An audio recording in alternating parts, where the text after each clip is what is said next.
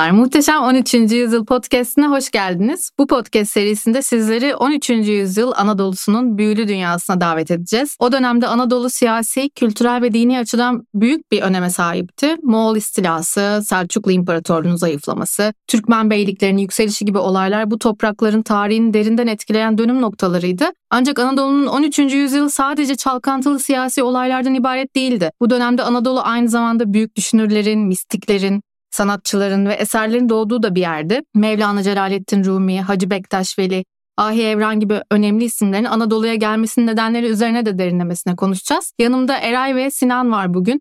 Öncelikle hoş geldiniz. Merhaba. Hoş, Hoş geldiniz bulduk efendim. Hemen sormak istiyorum. Anadolu neden bu kadar büyük bir cazibe merkezi olmuş tarih boyunca? Öncelikle tabii ki bizim memleketimiz olduğu için. Çok güzel bir memleketimiz var. Tabii ki Anadolu'yu düşünürsek neden böyle bir cazibe merkezi olmuş? Hepimizin böyle daha bir klişe olarak bildiği Doğu ile Batı'nın kesiştiği yer. Bu da ne demek? Bir geçiş noktası. Bir tarafta Asya var. Dünyanın en büyük kıtası. Bir tarafta Avrupa var. Bir tarafta güneyimizde Afrika var. Kuzeyimiz zaten yine Avrasya. Anadolu da bunların arasında bir köprü olduğu için tabii ki herkesin birbiriyle kesiştiği, yaşadığı, farklı fikirlerin birbirine karıştığı, ticaretin yapıldığı, kültürlerin, dillerin birbirine karıştığı devasa bir bugünkü havalimanı gibi. Peki Anadolu'nun bu siyasi ve kültürel önemi yatsınamaz tabii ki. Fakat öncesinde bizi 13. yüzyılın muhteşemliğini oluşturan isimlere ve olaylara gelmeden önce belki dinleyicilerimiz için böyle bir previously on Anadolu veya dünya diyerek bir çerçeve çizebilir miyiz? Ne diyorsunuz? 13. yüzyıl başından yaklaşık sonlarına doğru olan dönemi kapsayacağız. Hani bir fikir vermesi açısından dünya daha doğrusu Anadolu'ya yakın çevre ne durumdaydı diye söylersek Cengiz Han Büyük Moğol Hanlığı'nı kurdu ve 13. yüzyılın başından sonuna kadar sürecek olan bir istilalar silsilesi başladı. Aynı zamanda Fransa Normanlardan kurtuldu. Güçlenen Hristiyanlıkla İspanya'da İslam devletlerine verilen devletler geri alınmaya, topraklar geri alınmaya başlandı. Magna Carta imzalandı. Kutsal Roma İmparatorluğu papalıkla dördüncü anlaşmazlığa düştü, tekrar savaşmaya başladı. Bu şekilde devam eden çok fazla sükunetin olmadığı bir dönemdeyiz. Ve bizim Anadolu'muza gelirsek anlatacağımız bölgeye, buraya gelen insanlar da ağırlıkta Moğol istilasından kaçarak bugünkü Özbekistan dediğimiz bölgeden Anadolu'ya geçenler, daha önce 10. yüzyıldan beri gelmekte olan Türkmenler ve bunları hepsinin o an daha doğrusu Konya başkenti olmak üzere yönetimde olan Anadolu Selçuklu Devleti var. Yani buna şöyle bir ek yapabiliriz. Anadolu o günün dünyasında çok sıkıntılı bir çevre var. Bu çevrenin içerisinde doğuda Sinan'ın söylediği gibi Orta Asya'da Moğollar var. Avrupa'da yine sıkıntılı bir dönem var. Çok iç çatışma var. Avrupa'nın en batısında bizim konumuz olan Endülüs yani İspanya'nın güneyinde Müslümanlarla Hristiyanlar arasında Museviler arasında büyük bir çatışma var. Orta Doğu'da yine bir takım çatışmalar var. Ve Anadolu esas senin sorunun cevabı bu çerçeve içerisinde bir özgür kaçış noktası. İnsanların yeniden yerleşilen, yeniden oluşan çünkü Bizans kaybediyor ve yerine bir şeyler geliyor. Anadolu Selçuklu var. Anadolu Selçuklu da birazcık gücünü kaybetmeye başlıyor. Yani yeniden oluşan bir kültür, bir devlet mekanizması bir yeniden doğan bir dünya gibi düşünmek lazım Anadolu. Sen böyle deyince sanki şey gibi geldi böyle her yer dünyanın her noktası bir hareket halindeymiş gibi. Yani hiç kimse durduğu yerde duramıyormuş gibi plakalar hareket halindeymiş gibi bir şey canlandı gözümde. Çünkü herkes bir diğerini yerinden etmeye çalışıyormuş gibi. Evet aynen öyle yani depremler oluyor her yerde deprem oluyor. Anadolu'da bu depremler içerisinde gerçekten deprem kuşağı ülkesi olmasına rağmen daha geleceği olan bir özgürlük merkezi Hı hı. ve bir potansiyel tabii ki. Çünkü el değiştiriyor. Hı. Peki Anadolu'nun bu noktada topraklarının büyüklüğünün de o özgürlüğü sağlamasıyla bir şey olabilir mi? Olabilir tabii ki. Çok büyük değil Anadolu biliyorsun. Zaten yani dünyaya baktığımız zaman Asya'ya baktığımız zaman Anadolu küçük bir yer. E, Ama Avrupa'ya baktığımız zaman çok küçük bir yer değil. Ama topraklarının büyüklüğünden ziyade başta konuştuğumuz geçiş noktası olması, köprü olması, bir karışım merkezi olması. Esas Anadolu'nun özelliği bugün de bizim ülkemizin en önemli özellikleri bu. Bahsedeceğimiz kişiler Anadolu'nun daha çok iç merkez noktasında ve yani şunu söyleyeyim. bilim ve felsefenin toplandığı, geliştiği yer Anadolu'nun bütün uçları, tüm kuzey, güney, doğu, batısı değil. Tamamen de aslında bir sükunet ortamı da var diyemeyiz. Bizans sadece çok zayıfladığı için batıdan gelen tehdit. Biraz daha az durumda. Haçlı seferleri bu arada halen devam ediyor. Hı. Moğollar yakında Bağdat'a girip yakıp yıkacaklar. Bütün tehditlerden istisna kalmış bir durumda değil. Ama bu podcast serisinde de anlatacağımız bu önemli şahsiyetler yani Mevlana, Şems, İbn Arabi ve diğerlerinin bulunduğu İç Anadolu'daki görece dar bir bölge ve her ne kadar karışmaya başlayıp sonuna yaklaşmış olsa da halen Anadolu Selçuklu'nun da himaye ettiği bir alanda Yunus Emre gibi merkezden uzak olanları hariç tutarak söylüyorum. Peki biz mesela lisede benim gibi ezbere tarih tedrisatından geçmiş kişilerin aklında bir işte 1071 Malazgirt çok böyle hype'lanan bir zafer olarak. Neden bu kadar önemli sizce 1071 ve oranın o tarihin şu andaki yani bizim bahsedeceğimiz 13. yüzyıla bir etkisi var mı? Tabii var yani en direkt etkisi var. Çünkü sonuçta biz arada bir 150 yıldan bahsediyoruz. 100-150 yıl arasında ve e, o sırada çok büyük değişiklikler olacak. Ama tabii ki var Malazgirt'te. Çünkü sonuçta Malazgirt bir gerçekten de kapıların açılması bir anlamda son muharebe gibi düşünmek lazım. Çünkü böyle bir salon kapısı vardı, kapalıydı, açıldı, herkes hurra girdi diye bir durum yok. Zaten giriliyordu içeriye. Hı. Zaten Türkmen beylikleri geliyordu. Zaten göç ediyorlardı. Ve zaten bir takım yerleri işgal ediyorlardı. Ama bu son bir muharebe, resmi bir muharebe diyebiliriz. O bir e, dönüm noktası gibi düşünmek lazım. Tarihte böyle savaşlar var. Hı hı. Dönüm noktası ve ondan sonra farklılıklar oluşuyor. Belki yerine oturtmak için şunu söyleyebiliriz. Malazgirt'ten 6 sene sonra zaten Büyük Selçuklu'dan sonra Anadolu tarafında Anadolu Selçuklu Devleti kuruluyor.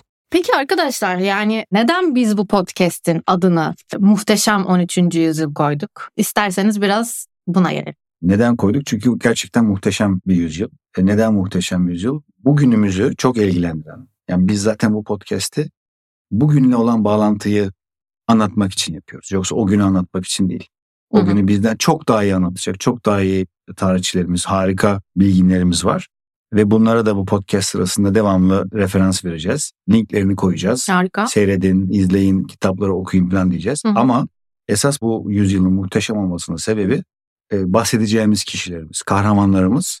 Bu kahramanların bugünkü dünyaya, bugünkü bizim hayatımıza, Türk insanına, Anadolu insanına, ve Türkiye Cumhuriyeti vatandaşlarına ve çevredeki insanlara gerçekten birebir nasıl etkisi var ve nasıl oldu da bu insanlar, kahramanlarımız aynı zamanda yaşadılar ve birbirinden çok farklı başarılar elde ettiler ve o gün o başarılar hala bugün hayatımıza bizim etki yapıyor. Hmm. Bunları inceleyince de bu yüzyıl muhteşem bir yüzyıl.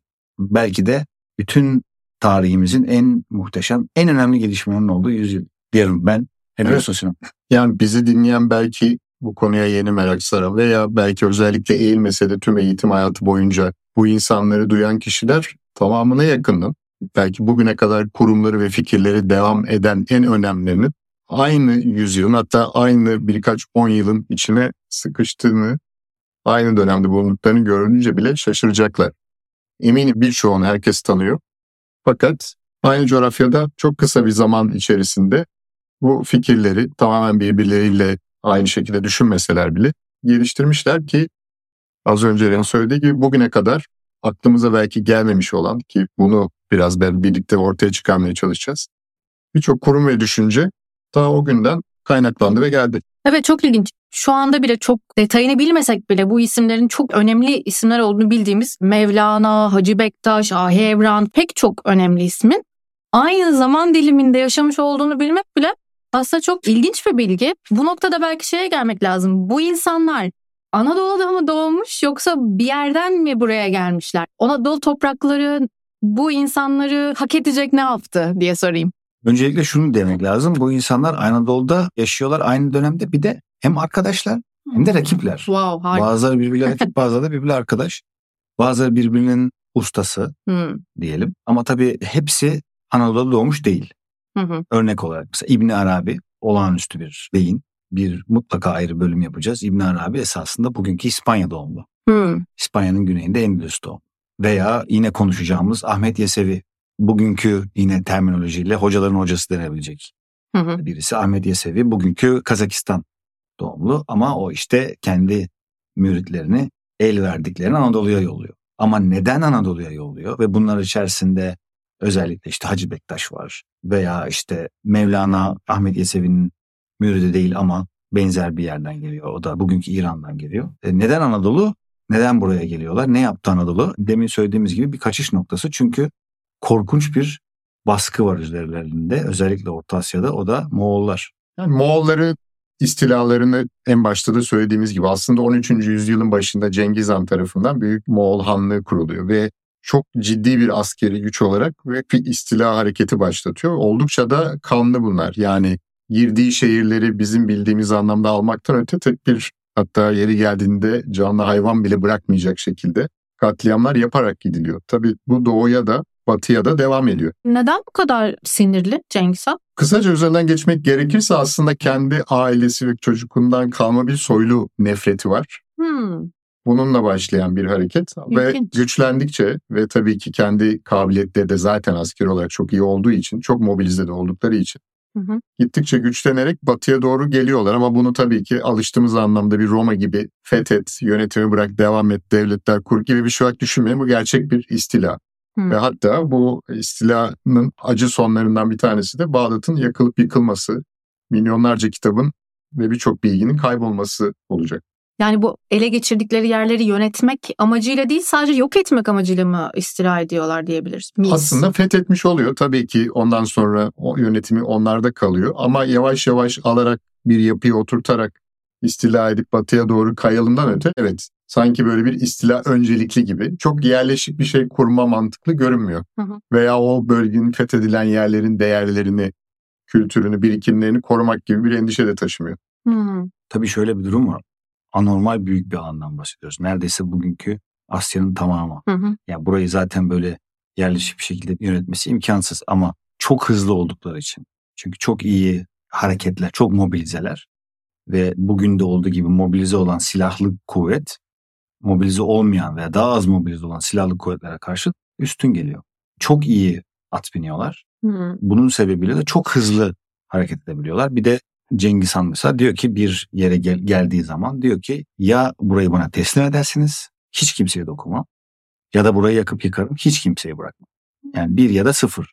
Bu e, tabii ki sadece Cengiz Han'ın kişiliğiyle ilgili bir şey değil. Çok olan dünyanın en büyük imparatorundan bahsediyoruz bu arada coğrafi olarak. Tüm tarihin. Yani Gelmiş geçmiş. Gelmiş geçmiş en büyük imparatorluğundan bahsediyoruz. Aynen. Yani o yüzden böyle bir basit bir açıklamayla anlatılabilecek bir şey değil. Müthiş bir teknolojik avantaj var bir kere her şeyden evvel. Çünkü çok hızlılar ve atın üzerinde çok iyi bir e, silahlanma ve savaşma kabiliyetleri var. Hı hı. Karşısındakiler böyle olmadığı için. Ama tabii ele geçirdiği yerlerde daha ziyade ganimet. Çünkü bu kadar büyük alanı bir mobil güç olarak ele geçirdiğinde ne yapacaksın? Yani orada oturup zaman kaybedemezsin, devam etmen gerek. Peki bu noktada şey sorayım yani Cengiz Han'ın isminin korkusuyla mı bu adamlar buraya geliyor yoksa gerçekten yaşadıkları şehir yerle bir oluyor da artık orada kalmanın bir yolu kalmadığı için mi geliyorlar Anadolu'ya? Yani aslında yerle bir olmadan çıkıyorlar. Ve tabii ki ismi önden geliyor. Bir de ileride ayrımını konuşacağımız bir nokta var. Kahramanlarımız veya anlatacağımız karakterlerin bazıları aileden çok zengin ve aileden yönetimin, hükümdarın, kimse onun yanında olan ve bunun hayatının devamını da ancak bu şekilde yani ilminin de felsefesinde çalışmasını da böyle yürütebilecek olan kişiler. Bir nevi yani can korkusunun yanında bir yandan da gittikleri Anadolu'da yine benzer bir ortam, yine devletin ileri gelenlerine yaklaşma imkanı, yine aynı çalışma ortamı kavuşuyorlar diyelim. Yani ikisinin biraz da karışımı var. Bir merkezden bir merkeze gidiyorlar. Tamamen bir göçebe hareket gibi belki daha kırsal bir alanda bitmiyor hikayeleri. Peki şimdi bu insanlar benzer zamanlarda Anadolu'ya gelmeye başlıyorlar. Değil mi? Evet. Çok benzer zamanlarda. Hı. Mesela örnek olarak tabii bunların içerisinde demin söylediğimiz gibi Ahmet Yesevi var. E, Anadolu'ya gelmiyor hiçbir zaman. Ama kendi müritlerini yolluyor. Bu müritler içerisinde işte Hacı Bektaş da var. Veya Mevlana ailesiyle beraber, babasıyla beraber bugünkü İran'dan göç ederek en son Konya'da yer buluyor. İbn Arabi de aynı şekilde Anadolu'ya Hmm. geliyor ama fikri geliyor Sadrettin Konevi üzerinden. Yani bazıları burada bulunmuş, bazıları buraya fikirlerini veya müritlerini göndermiş Hmm. ama özünde bahsettiğimiz dönemde burada oluşacak olan büyük bir bilimsel ve felsefi düşünce hepsinin bir katkısı var. Peki bu isimler Orta Asya'dan geliyor dediniz. Tam olarak neresinden geldi bu insanlar? Yakın yerlerden mi geldiler? Biz Orta Asya diyoruz ama genelde bizim kahramanlarımız geldiği yer bugünkü İran. İran'ın doğusu yani Orta Asya'nın batısı. Orta Asya dediğimiz yer işte bugünkü Türkmenistan, bugünkü Özbekistan, bugünkü hatta Kazakistan ve bugünkü İran'ın e, kuzeydoğusu. Buralardan geliyorlar ve çoğu da Horasan'dan geliyor. Şimdi hepimizin bir hayatında bir Horasan şeyi duymuşuz. Evet. Horasan'dan gelmiş, Horasan'dan gelmiş. Horasan erenleri var mesela. Horasan neresi yani? Horasan bugünkü İran'da bir bölge hı. ama zihinsel olarak Horasan bir düşüncenin merkezi gibi Hmm. düşünebiliriz. Ve bunun arka planı yaklaşık 1500-2000 seneye gidecek. Onu da anlatacağız. Ama Orta Asya'nın çok güzel bir yerinden diyelim. Güzel bir bölgesinden.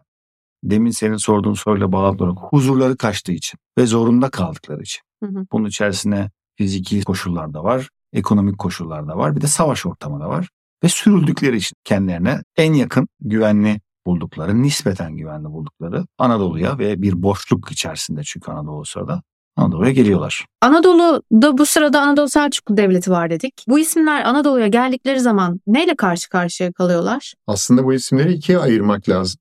Bir, son 50 yılında iyice merkezileşmiş bir Anadolu Selçuklu Devleti var. Bu isimlerin bir kısmı başkente gelip bu idari çevrenin etrafında olup çalışmalarını bu destekle, her anlamda bu destekle devam ettiriyor. Ama gelenlerin bir kısmı içinse Anadolu Selçuklu Devleti'nin bir katkısı yok. Değil mi Eren? Ve kim olduğundan mesela diye bir kısmı yani Anadolu'nun e, Selçuklu devlete yakın olanlar, merkezi devlete yakın olanlar tabii ki Mevlana'nın ailesi, babası ve Saadettin Konevi konuşacağımız kahramanlarımız arasında. Bunlar idarenin ve sarayın etrafında bir kültürel ve zihin dünyası yaratan insanlar.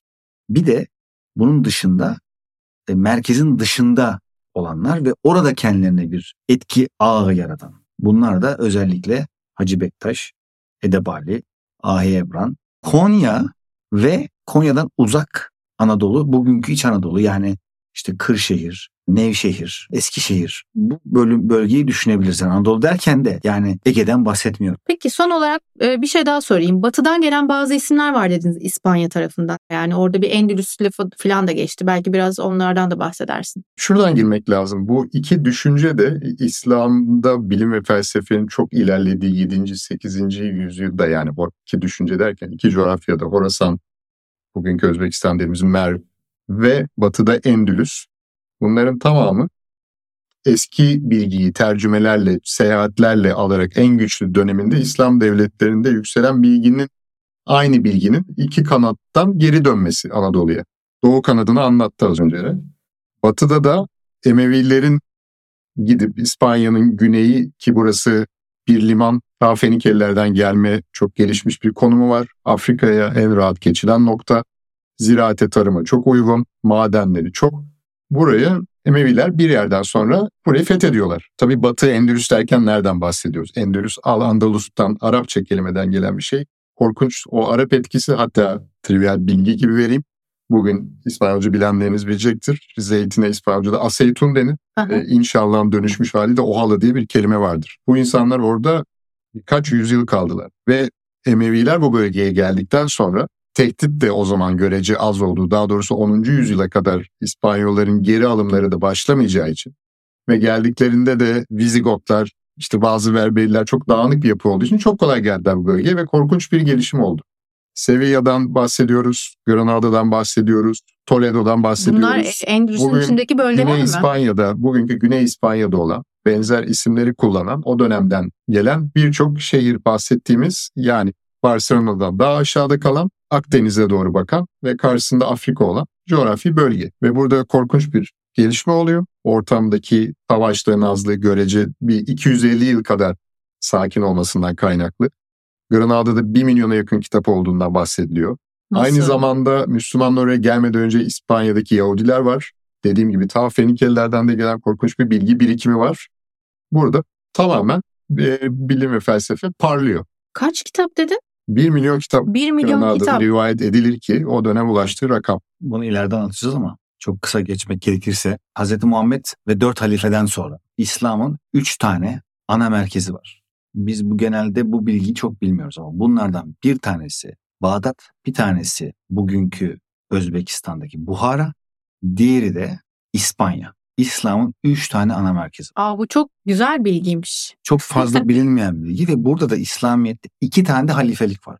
Birinci halifelik Bağdat'ta, diğer halifelik de İspanya'da. Hmm. İsimlerini verelim. Abbasiler ve Emevilerden Emeviler. bahsediyoruz. Zaten Emevilerin sonunu getirecek olan da Bağdat'taki Abbasiler. Hatta onlardan en son kaçan da zaten 750 yılında Endülüs'e gidip orada Emevi emiri oluyordu. Yani şöyle diyebiliriz. Nasıl bizim kahramanlarımız Orta Asya'dan kaçtı Anadolu'ya geldi ve burayı yeşertti. Hı hı. Emeviler de Şam'dayken Abbasiler tarafından ortadan kaldırılıyorlar ve İspanya, bugünkü İspanya kaçıp orada yeni bir halifelik kuruyorlar. Bu üçlü yapı 13. yüzyıla geldiğimizde İspanya'da da aynı doğudaki yani Horasan civarındaki Moğol baskısı gibi İspanya'da Endülüs'te de korkunç bir Hristiyan baskısı var. Hmm. Bir taraf Moğollar tarafından sürülürken öbür tarafta Hristiyanlar tarafından sürülüyor. Ve bunun sonunda Anadolu yeşerirken ileride göreceğiz Avrupa'da yeşeriyor. Ve Avrupa'da Rönesans olacak. Bu, bu işin sonunda bu bilginin kaymasıyla Anadolu'da da Rönesans olacak. Tabii zaten e, bazı kaynaklar Rönesans'ı bu tarihlerden itibaren Doğru. başlatıyor değil mi? Ben Aynen. onu e, öğrendiğimde biraz şaşırmıştım. Çünkü benim bildiğim Rönesans daha e, 16. 15-16. yüzyıllarda diye yani bizim aklımızda kalmış. Aslında 12. yani 1200'ler 1300'lerden itibaren başlatanlar. Tabii daha doğrusu başlıyor diye. Şeyden gelmiyor, yerden bitmiyor yani bu düşünce e, bir yerden dönüyor ve bu- Evet. bu, düşünce esas Avrupa'ya, İspanya'dan İtalya şehir devletlerine. Orada bir benzerlik daha var. Nasıl Anadolu'da beylikler ve merkezi bir gücün parçalanması varsa ve bir yeni fikirlerin yeşeracağı bir ortam varsa aynı şekilde İtalya'da da merkezi devletin yokluğu ve şehir devletlerinin varlığı var. Ve aynı şekilde bir tarafta İtalya ve bir tarafta Anadolu gerçekten çok uzun süre devam edecek bir e, düşünce dünyasının ki temel merkez olarak yükselmeye başlıyorlar. Çok ilginç ve güzel bilgiyle isterseniz bölümümüzü Kapatalım. toparlayalım. Kafası karışanlar, bilgi çok fazla gelenler de varsa diğer önümüzdeki podcastlerde bu bilgileri yavaş yavaş sindire sindire öğreneceğiz. Açacağız. Evet. Muhteşem yüzyılımız. muhteşem bir şekilde anlatacağız. Evet. Çok teşekkür ediyorum. Görüşmek üzere diyorum o Biz zaman. teşekkür ederiz. Görüşmek üzere. Teşekkürler. Hoşçakalın.